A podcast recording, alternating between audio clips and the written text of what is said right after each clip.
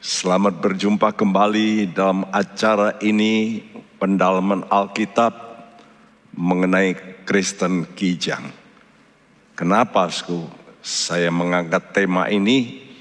Karena hanya salah satu dari hewan yang disimbolkan untuk Yesus, maka kijang adalah hewan yang jelas mengatakan bahwa Yesus nanti akan datang seperti kijang sebagai mempelai. Nah, kita sebagai mempelai Kristus ada satu perkara yang paling penting dari semuanya. Apa itu? Ketundukan, taat. Bukan percaya, banyak orang menekankan percaya. Tapi percaya yang disertai dengan ketaatan. Dan itulah orang yang mau tinggal di dalam Kristus. Yesus sebagai kepala, dan kita sebagai tubuh. Dan kita harus mengikuti ke mana Tuhan pergi. Ya, karena itu kata Tuhan, kalau kamu mau ikut aku, kamu harus apa? Menyangkal diri dan pikul salib. Nah kalau ini dijalani, maka akhirnya akan dipuji. Artinya Allah berkenan Nah kita sudah terangkan dalam gereja itu ada dua kelompok. Ada orang yang dengan rela dengan sendirinya ya mengikuti perintah Tuhan walaupun tidak ada hajaran, tidak ada melihat problem tapi patuh melakukan perintah Tuhan. Tapi ada orang yang tidak begitu. Ada orang yang mesti dihajar dulu. Nah, Inilah bagian yang kedua yaitu yang disebut buah susulan gereja. Sayang banyak orang Kristen bukan menjadi buah sulung gereja tetapi buah susulan gereja. Namun demikian Tuhan tetap sayang. Mereka juga disebut gereja. Ya, karena itu setelah lewat masa di mana mereka didisiplin dan mereka mulai menurut maka akhirnya mereka dipuji juga oleh Tuhan sehingga diterima sebagai mempelainya. Saudaraku, surat Efesus 1 ayat 4 dan ayat 11 dan 12 berbunyi, Sebab di dalam dia Allah telah memilih kita sebelum dunia dijadikan, supaya kita kudus dan tak bercacat di hadapannya. Aku katakan, di dalam Kristus, karena di dalam dialah kami mendapat bagian yang dijanjikan. Kami yang dari semula ditentukan untuk menerima bagian itu sesuai dengan maksud Allah, yang di dalam segala sesuatu bekerja menurut keputusan kehendaknya, supaya kami yang sebelumnya telah menaruh harapan pada Kristus, boleh menjadi puji-pujian bagi kemuliaannya. Supaya kami, supaya kami yang sebelumnya telah menaruh harapan. Jadi betapa pentingnya sku, bukan hanya iman sku, tapi harapan pada Kristus. Kita ini menjadi puji-pujian. Jadi nanti Tuhan itu akan memuji gerejanya yang rela mengikuti hidupnya. Dan untuk ini saudara mesti betul-betul nempel sama Tuhan. Seperti tubuh dengan kepala. Karena itu surat Efesus secara khusus banyak bicara dengan tema di dalam dia atau di dalam Kristus. Ya, saudaraku. Dan kata ini diulang-ulang terus. Dalam ayat ini kita melihatku di dalam dia Allah telah memilih kita. Sebelum dunia dijadikan, ingat ya, banyak orang berpikir aku dipilih sebelum dunia dijadikan. Bukan, bukan saudara. Ya, kita mesti mengerti itu. Jadi jangan pribadi-pribadi. Yang dipilih oleh Tuhan itu yaitu orang yang di dalam dia. Ya. Nah ini yang dipilih Tuhan yaitu orang-orang yang taat. Menurut Aku katakan di dalam Kristus. Karena di dalam dialah. Nah, lagi ya. Kami mendapat bagian yang dijanjikan, artinya warisan. Nah, perhatikan, kami yang dari semula ditentukan. Sekali lagi ini. Jadi Tuhan itu menentukan dari awal bahwa orang-orang yang mau tinggal dalam Kristus Yesus dan mereka nanti kudus dan tak bercacat. Perhatikan itu. Ayat 11 tadi di atas. Supaya kita kudus dan tak bercacat. Nah banyak orang Kristen, loh saya sudah terima Yesus. Hidupnya nggak mau kudus, tapi saya percaya selamat. Wah siapa yang menjamin? Ya, engkau mesti kudus dan akhirnya tidak bercacat. Nah itulah orang yang menaruh harapan pada Kristus. Saudaraku, jemaat yang mau tinggal di dalam Kristus, itulah gereja yang taat kepada Yesus sebagai kepala. Berarti apa? Kata Tuhan, siapa mau ikut aku harus apa? Menyangkal diri dan pikul salib. Jadi kalau sudah taat mau menyangkal diri dan pikul salib, maka saudara itulah orang yang menaruh harap pada Kristus yang telah bangkit dan dipermuliakan. Nah kalau kita yakin Yesus itu telah bangkit dan dipermuliakan, kita yang tetap bersekutu juga nanti akan bangkit dan dipermuliakan. Bukankah begitu? Karena itu saudaraku, waktu nanti ada orang-orang Kristen jemaat awal buah sulung gereja sudah diangkat, mereka baru melihat, wah ya benar ya, terjadi rapture. Wah ini betul yang dikatakan dalam Alkitab. Yuk kita cari Tuhan. Dan mereka cari, sku, mereka harus dipukuli. Kita sudah membaca itu menerangkan dengan panjang lebar. Sku. Jadi ada gereja yang tertinggal nanti akan mengalami aniaya.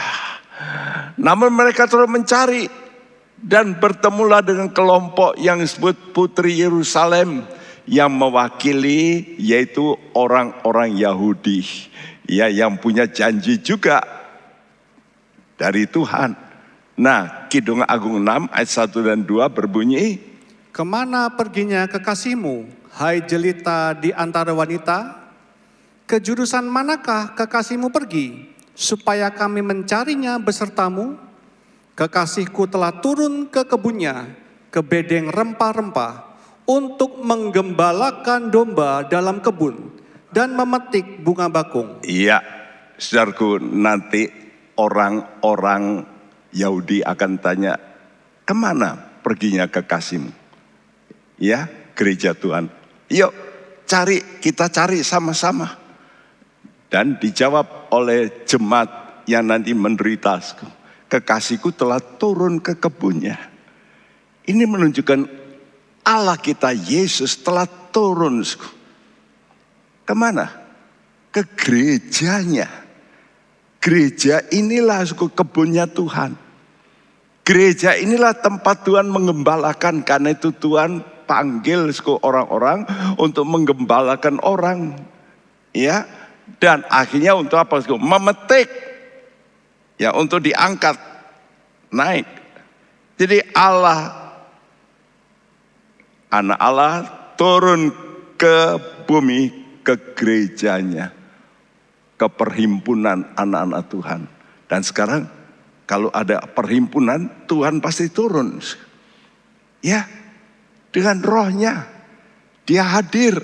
Untuk apa, Sku? Untuk mengembalakan kita. Dan untuk apa, Sku? Akhirnya memetik. Karena itu apa respon gereja? Kepunyaan Tuhan. Yaitu kita mesti sadar, kita ini mesti mengiring Tuhan juga dalam penggembalaan. Karena itu saya tuliskan ke gereja sebagai tubuh kepunyaannya. Kita ini ke kepunyaan Tuhan, tubuhnya Tuhan. Seharusnya juga melakukan apa yang kepala Tuhan lakukan. Apa itu? Pengembalaan. Karena itu, gereja kita ini berorientasi pada penggembalaan. Ya, kenapa? Karena di dalam penggembalaan inilah baru betul-betul mengerti tentang kasih Tuhan. Kidung Agung 6 ayat 3 dan 4 setelah mengalami suku penderitaan nanti orang-orang Kristen namun mereka mau tetap ikut Tuhan, mereka mau gandeng dengan Tuhan, mereka sekarang tahu kita ini miliknya Tuhan karena kita ditebus dengan darah. Karena itu dengarkan apa yang dikatakan nanti oleh orang-orang Kristen pada masa sengsara. Aku kepunyaan kekasihku dan kepunyaanku kekasihku yang menggembalakan domba di tengah-tengah bunga bakung. Cantik engkau manisku, seperti kota Tirsa, juwita seperti Yerusalem, dahsyat seperti bala tentara dengan panji-panjinya. Ya, saudaraku, jadi respons daripada jemaat menderita nanti dalam zaman aniaya. Mereka tahu suku Yesus itu betul-betul telah menebus mereka. Mereka tahu kami ini miliknya Tuhan. Dan Tuhan milik kami. Sehingga mereka mau di tengah penderitaan itu menggembalakan. Apa artinya suku? Bukan berarti nanti ada gereja-gereja besar. Enggak suku. Menggembalakan ini berarti suku orang itu tidak lagi mulai melihat dirinya sendiri. Mereka mulai memperhatikan orang lain. Mau memberi kekuatan pada orang lain. Jadi di tengah penderitaan orang-orang Kristen nanti. Orang-orang Kristen yang cinta Tuhan itu masih memperhatikan orang-orang juga yang menderita. Ya, dan waktu Tuhan melihat itu, maka Tuhan berkata, "Cantik engkau, manisku." Ya, itulah saat di mana orang sudah mengerti apa itu kasih. Nah, jadi kita coba review. Tuhan Yesus ya tadinya meninggalkan jemaat sengsara ini. Kenapa? Karena terlambat merespons. Hanya yang dipetik buah sulung gereja. Dalam Kidung Agung 6 ayat 1 dikatakan uh, satu pertanyaan ya berbunyi Ke mana perginya kekasihmu, hai jelita di antara wanita? Ya, ke mana perginya? Ya. Jadi, suku gereja Tuhan nanti pada zaman itu mencari Yesus. Lalu orang-orang Yahudi itu akan berkata, ke mana perginya? Ya, namun setelah bertobat, mereka sadar bahwa untuk benar-benar mencintai Tuhan, itu tidak bisa, tidak bisa lepas dari yang namanya menggembalakan. Karena itu waktu Petrus dia menyangkal Tuhan, bukankah Tuhan kasih second chance? Tuhan datang dan Tuhan tanya, Simon, Petrus, adakah engkau mengasihi aku? Sampai tiga kali. Sehingga dia menangis. Dan tiap kali Tuhan kata apa? Gembalakanlah domba-dombaku.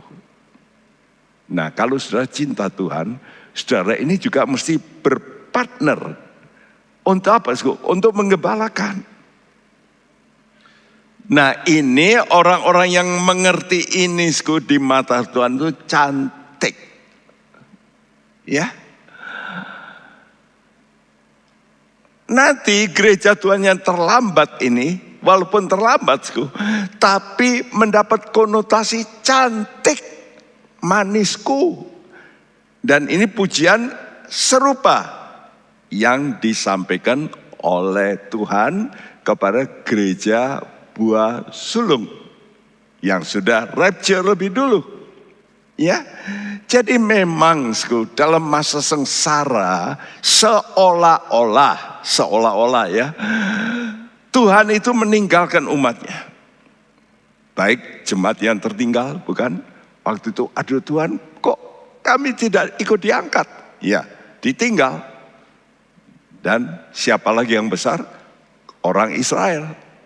Ya, tapi oleh karena sifat Allah itu memang panjang sabar, dia itu selalu menanti pertobatan. Karena itu jangan pikir kalau Allah sudah murka berarti finish. Karena itu ayat ini juga dalam satu Tesalonika dipetik salah oleh banyak orang bahwa umat percaya itu tidak mungkin akan mengalami murka. Tapi coba kita dengar Yesaya 54 ayat 8 ini. Dalam murka yang meluap, aku telah menyembunyikan wajahku terhadap engkau sesaat lamanya. Tetapi dalam kasih setia abadi, aku telah mengasihani engkau, firman Tuhan penebusmu. Iya, kenapa dikatakan firman Tuhan penebusmu? Apakah Tuhan itu rela? Orang yang sudah dibayar dengan harga yang mahal, murtad begitu aja atau tidak mau sungguh-sungguh, dia tentu wah nggak bisa itu aku sudah bayar itu. Saya sudah menghadapi banyak orang yang punya anak.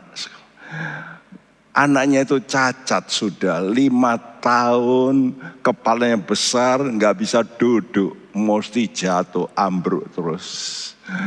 Dan waktu sakit anak itu di rumah sakit Telogorejo, saya datang. Lalu apa yang terjadi? Dokter berkata, Bu, anakmu mati. Apa yang terjadi?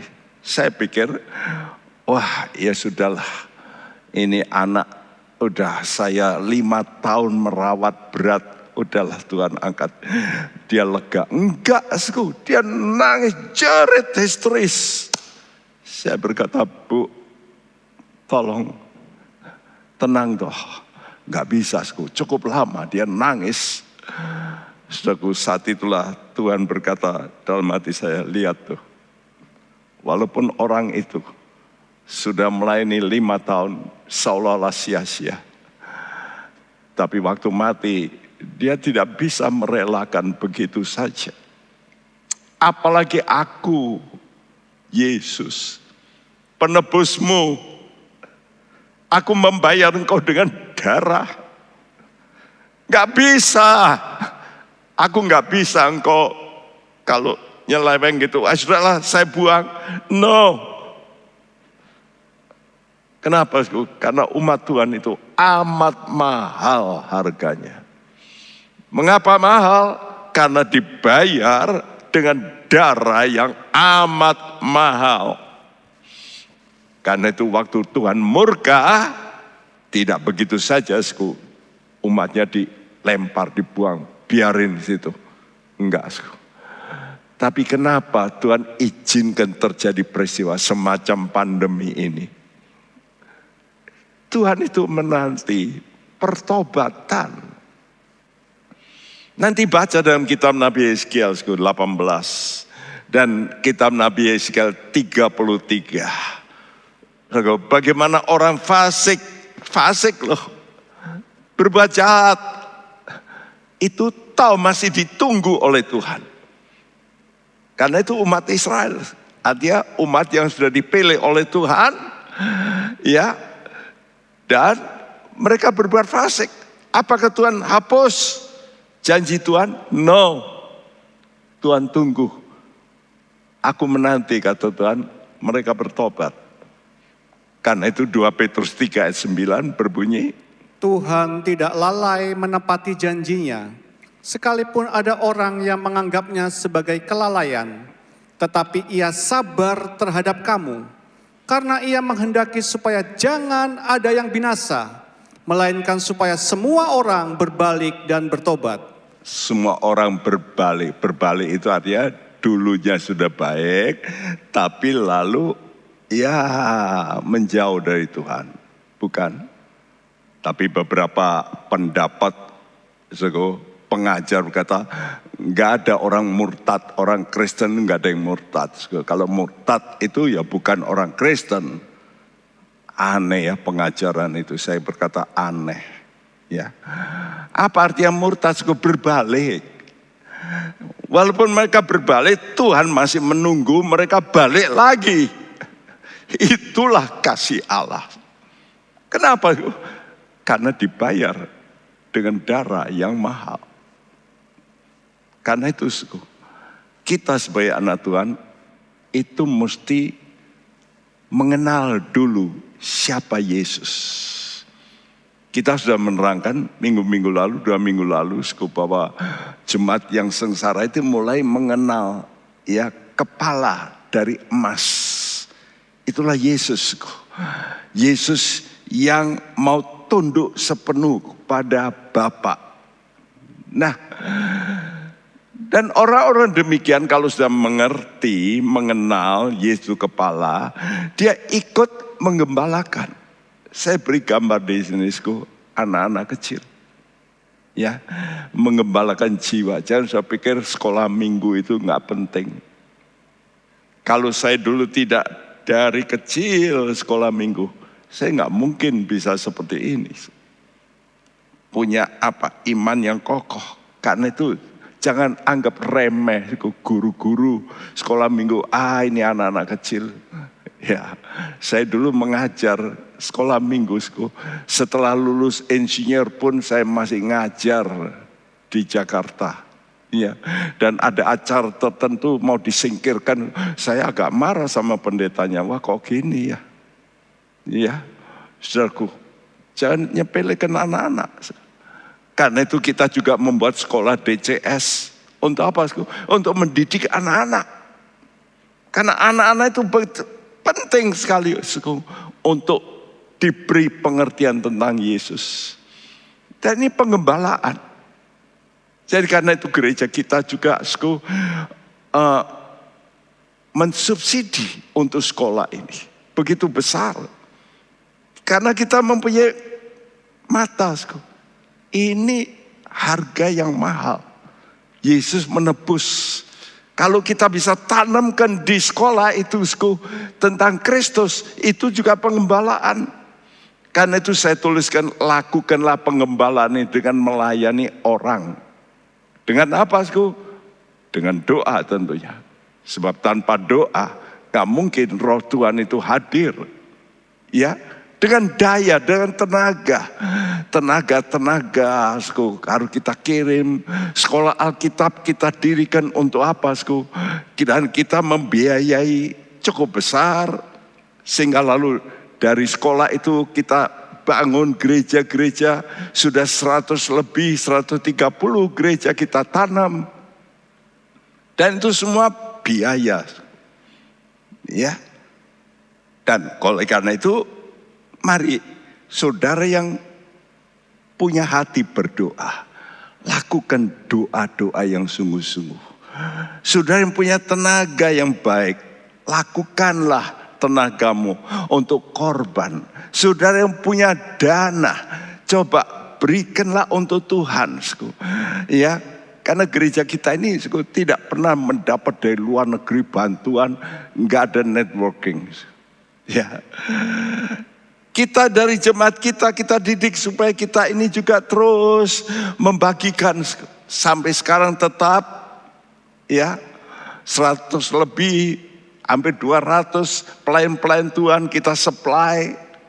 Ya, ini tubuh Kristus. Nah, kalau demikian, Tuhan nanti akan memuji. Ya, dipuji apa? Cantik Nah coba kita bandingkan. Buah sulung gereja itu dituliskan dalam Kidung Agung pasal 1, pasal 2, pasal 3, pasal 4. Ya, panjang.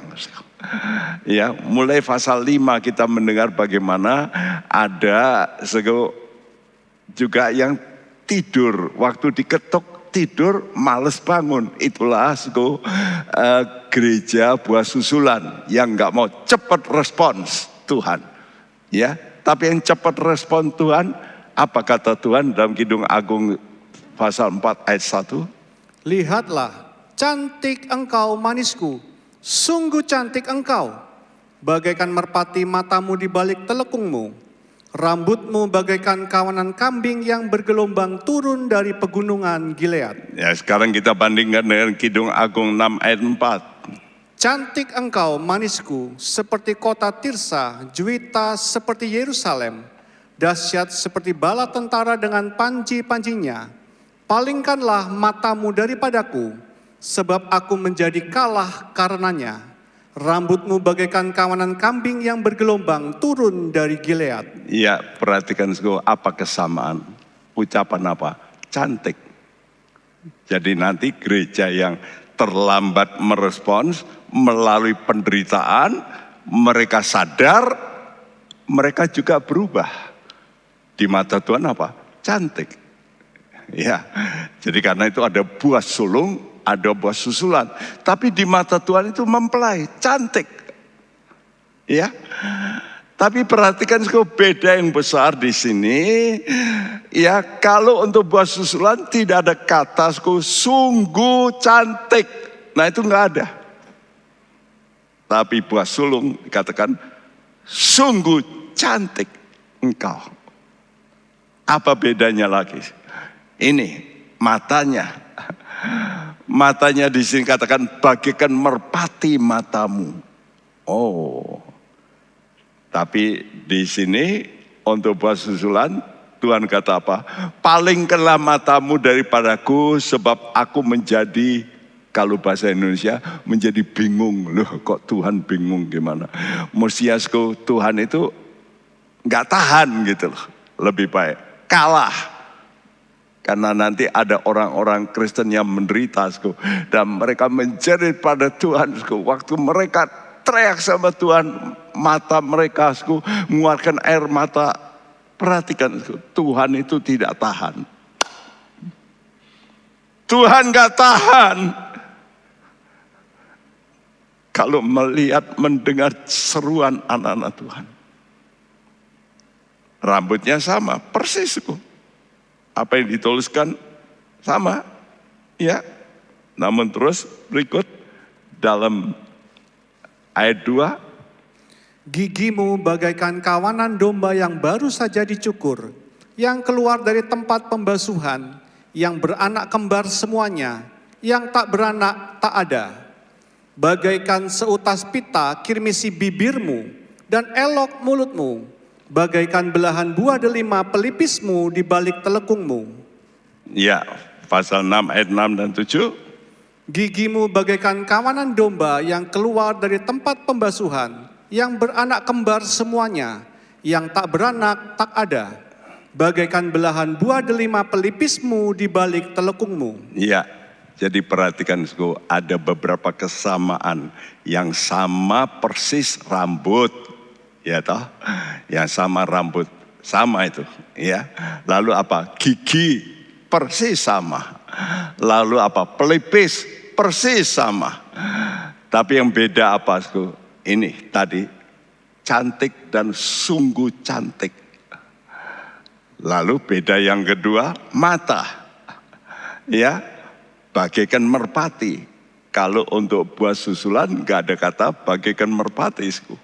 Ya. Lalu apalagi? Ini bibir. Nah di dalam penjelasan tentang buah susulan gereja nggak ada. Bibir ya dan mulut ini nggak ada. Ini luar biasa. Kenapa begitu?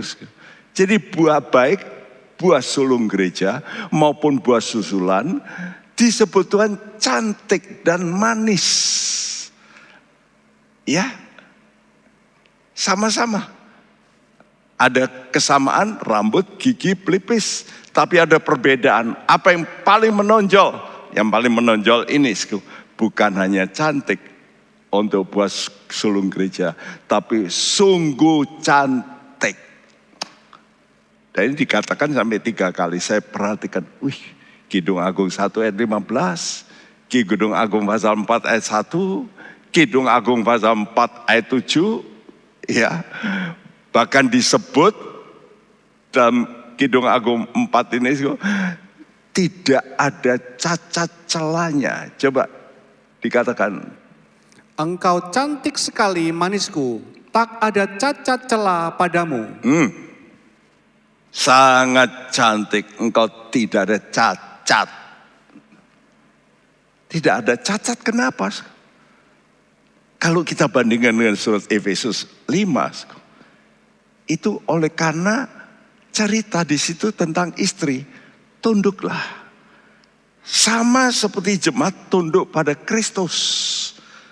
Dan waktu bicara tentang ketundukan ini, maka di situ diminta bahwa nanti Kristus akan menguduskan sampai tidak bercacat. Wih, luar biasa. Jadi orang yang taat itu nanti Tuhan terus kuduskan dengan perbuatannya sampai tidak bercacat.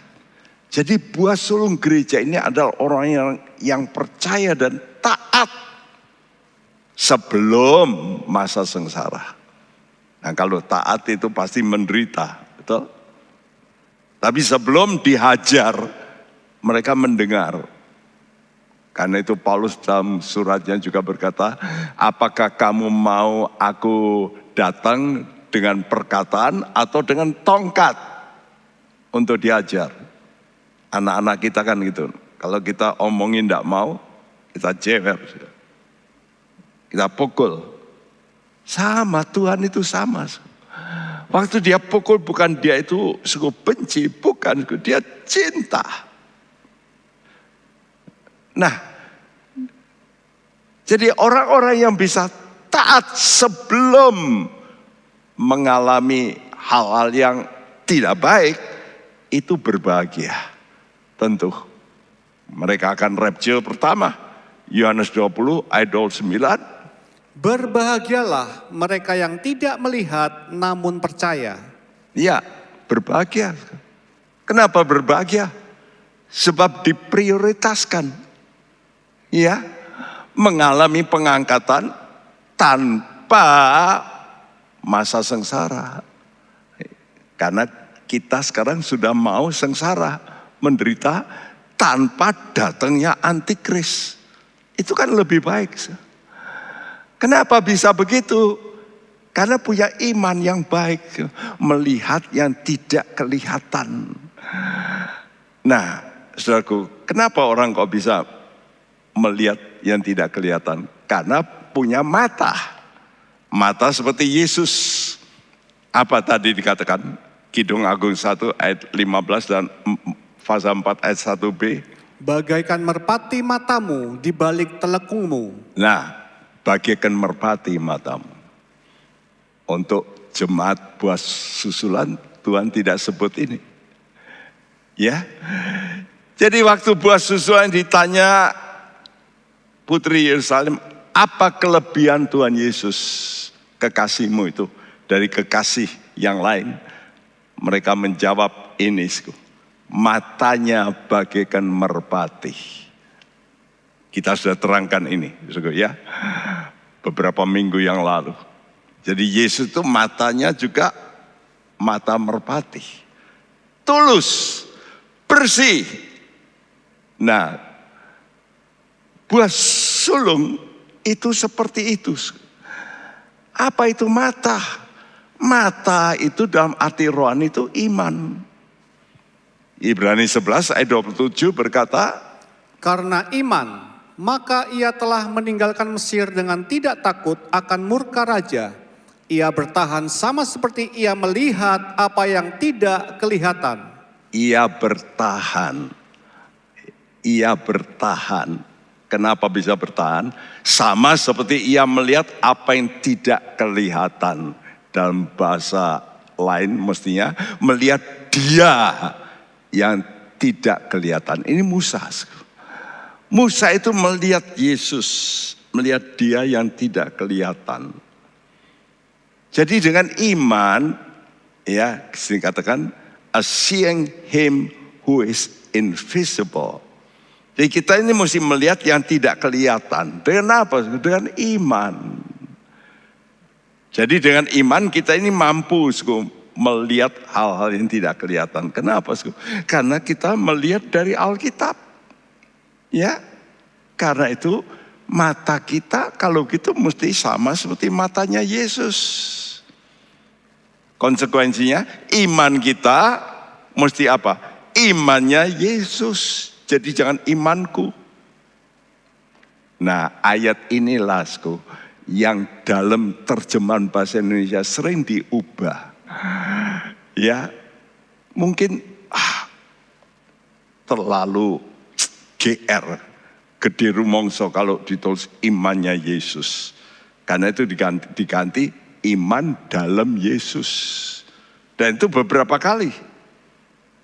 Ya, bahkan juga terjemahan bukan King James juga begitu.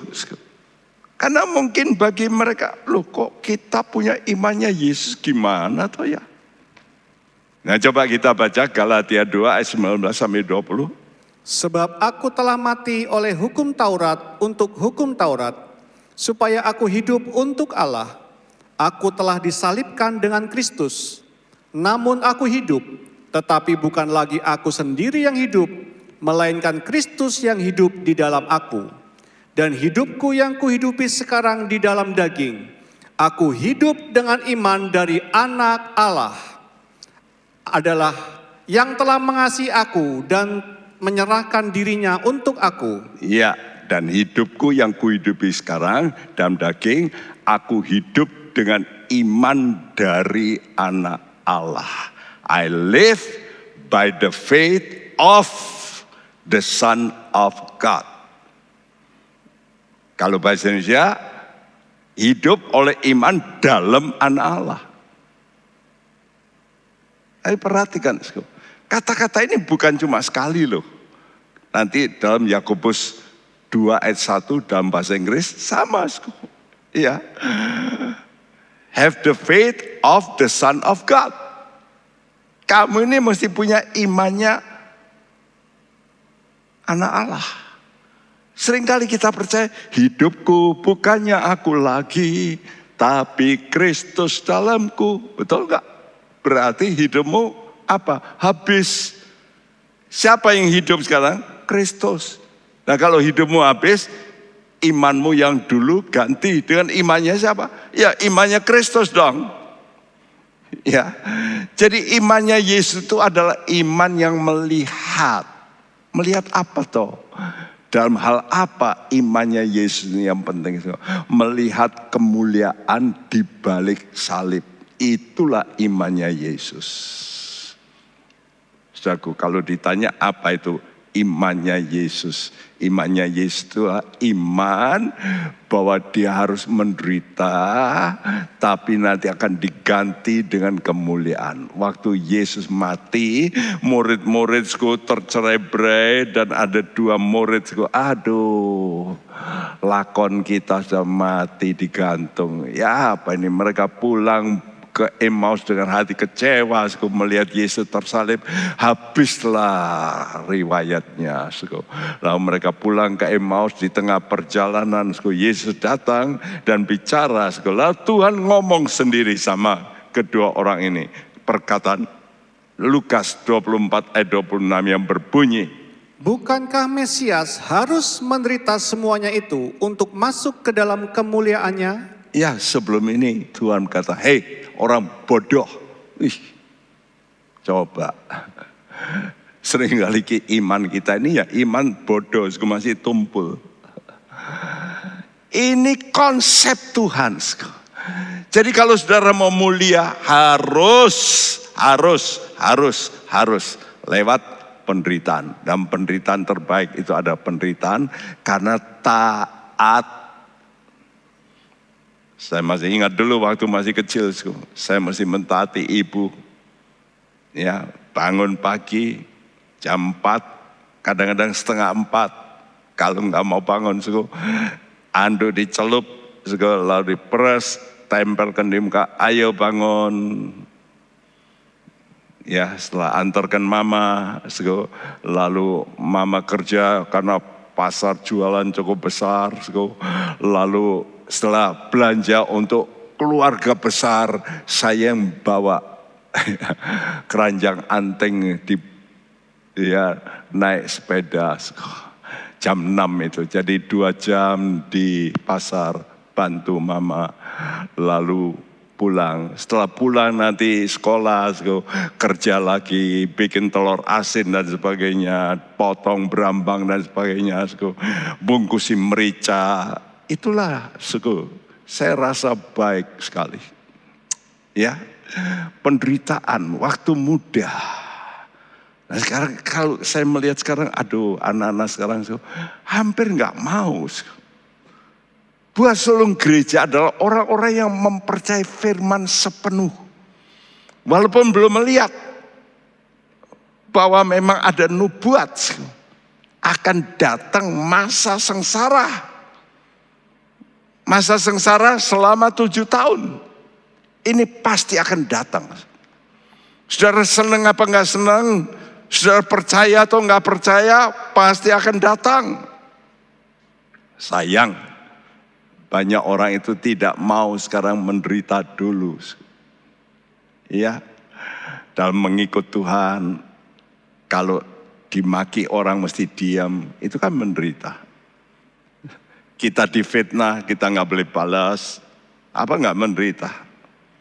Kita dirugikan tapi mesti mengampuni dan mesti berbaik.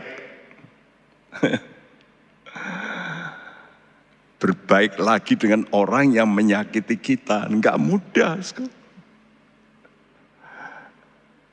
Tapi ini harus dilakukan, harus. Kalau engkau cinta Yesus penebusmu, lakukan.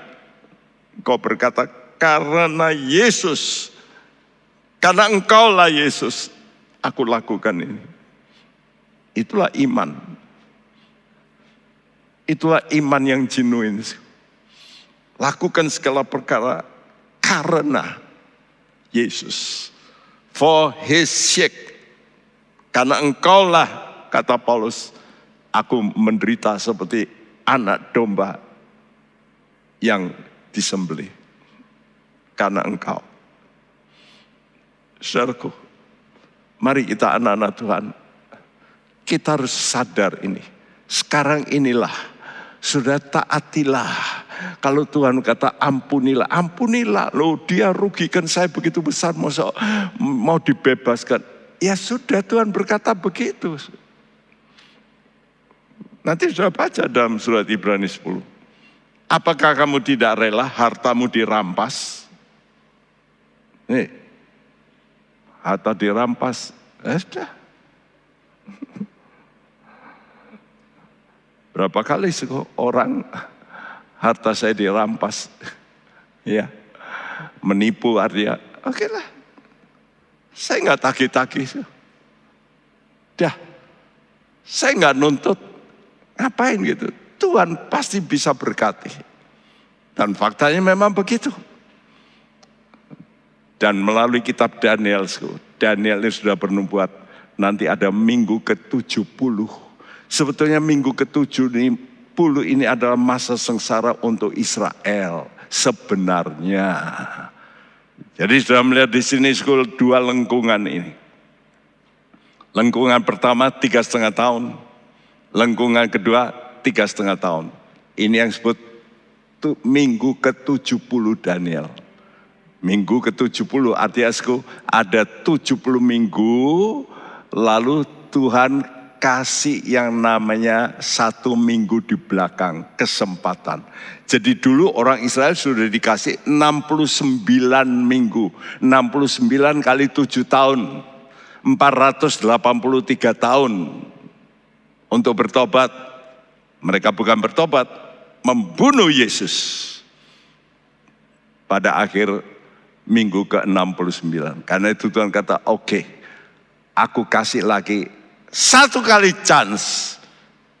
Tujuh tahun. Ini yang disebut minggu ke-70, yaitu ini, dua lengkungan ini. Dan orang Kristen sekarang gereja, itu bandelnya mirip seperti orang Israel. Tidak menurut dengan full, masih pakai debt collector, masih kalau berkelahi pukul. Padahal Tuhan kata apa? Jangan balas, betul? Maki saja jangan balas, apalagi pukul. Maki aja kita nggak boleh. Itu orang Kristen yang mau menderita. Kalau orang memaki engkau, jangan balas maki. Apalagi orang memukul engkau, jangan balas mukul. Bahkan belum dipukul aja, mukul dulu. Wah itu lebih jelek lagi. Tapi ngaku Kristen, Orang-orang begitu pasti nanti akan dihajar Tuhan, pasti. Kalau mau selamat. Karena itu sudah diberi kesempatan. Ya, mau menderita sekarang supaya sudah menjadi BSG, yang hijau itu sebelah kiri, buah sulung gereja diangkat lebih dulu. Kenapa? Karena percaya firman nubuat FN itu firman nubuat sebelum terjadi. Tapi banyak orang tidak begitu. Percaya setelah terjadi rapture, setelah muncul antikris, oh ya ya ya ya. Nah, sekarang ini sudah melihat keadaan dunia kita ini sudah dekat Dekat sekali. Nanti dengarkan kembali. Ya, khotbah saya tanggal 1 Januari. Hari Jumat. Ya. Tuhan memberikan tanda Israel merdeka. Dan Tuhan kata, only one generation. This generation, generasi Israel merdeka, tidak akan lenyap sebelum aku datang. Udahlah, itu saya percaya banget. Dan Tuhan kasih tanda di langit. Nanti saya bisa dengarkan khotbah itu. Ya. Dan itu menurut hukum probabilitas tidak mungkin bisa ada namanya blood moon yang empat kali namanya tetrat blood moon dalam persis hari raya orang Israel. Itu pasti terjadi sesuatu. Saudaraku, jadi melihat itu, aduh, kita nggak mungkin lari. Karena itu mari kita tetap bekerja memang. Tapi jangan sampai kita itu mikir, wah yang terlalu panjang. Ya, mari suku kita push rohani kita lebih dekat Tuhan. Dengan adanya lockdown ini semua tenang, betul. Nggak ada peperangan. Coba kalau nggak ada lockdown. Wah, Timur Tengah aja. Sekarang enggak ya. Apa? Damai. Arab Saudi damai. Iya, saya dengarkan. Semua negara-negara yang memusuhi Israel damai. Cuma yang belum damai siapa? Iran. Dan memang kalau kita baca Alkitab, Persia itu nanti adalah pengikut antikris pasti tidak mau damai. Persis seperti Alkitab katakan, persis.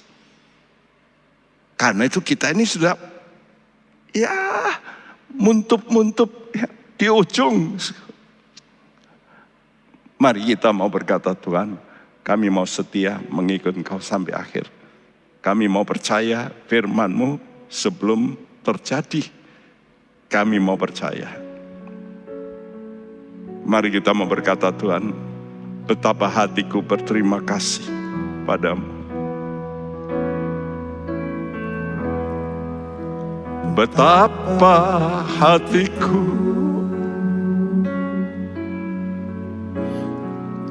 berterima kasih Yesus. Kau mengasihiku.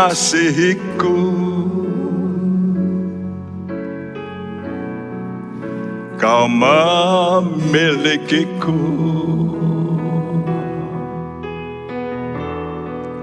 Hanya ini Tuhan persembahanku Segenap hidupku, jiwa dan ragaku Sebab tak ku miliki harta kekayaan yang cukup berarti untuk ku persembahkan hanya ini Tuhan permohonanku terimalah Tuhan persembahanku Pakailah hidupku sebagai alatmu seumur hidupku.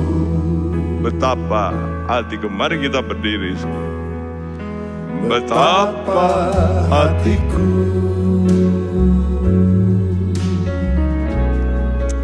berterima kasih Yesus. Ingat, Tuhan mengasihi engkau. Dan ingat tubuhmu miliknya. kau Hanya ini Tuhan. hanya ini Tuhan persembahanku Segenap hidupku, jiwa dan ragaku. Sebab tak ku miliki harta kekayaan yang cukup berarti untuk ku persembahkan hanya ini Tuhan. Permohonanku terimalah Tuhan. Persembahanku pakailah hidupku sebagai alatmu seumur hidupku apa toh persembahan yang terbaik? Persembahan yang terbaik adalah tubuhmu yang kudus, yang hidup, rohani yang hidup, dan yang berkenan, yang taat kepadanya. Persembahkanlah tubuhmu, persembahkanlah hidupmu, dan kau berkata Tuhan, aku tidak mau pakai menurut kemauanku lagi, tapi aku mau berjanji mempersembahkan jiwa dan ragaku ini kepada Tuhan. Mari kita berkata Tuhan hanya ini Tuhan persembahanku. Segenap hidupku, jiwa dan ragaku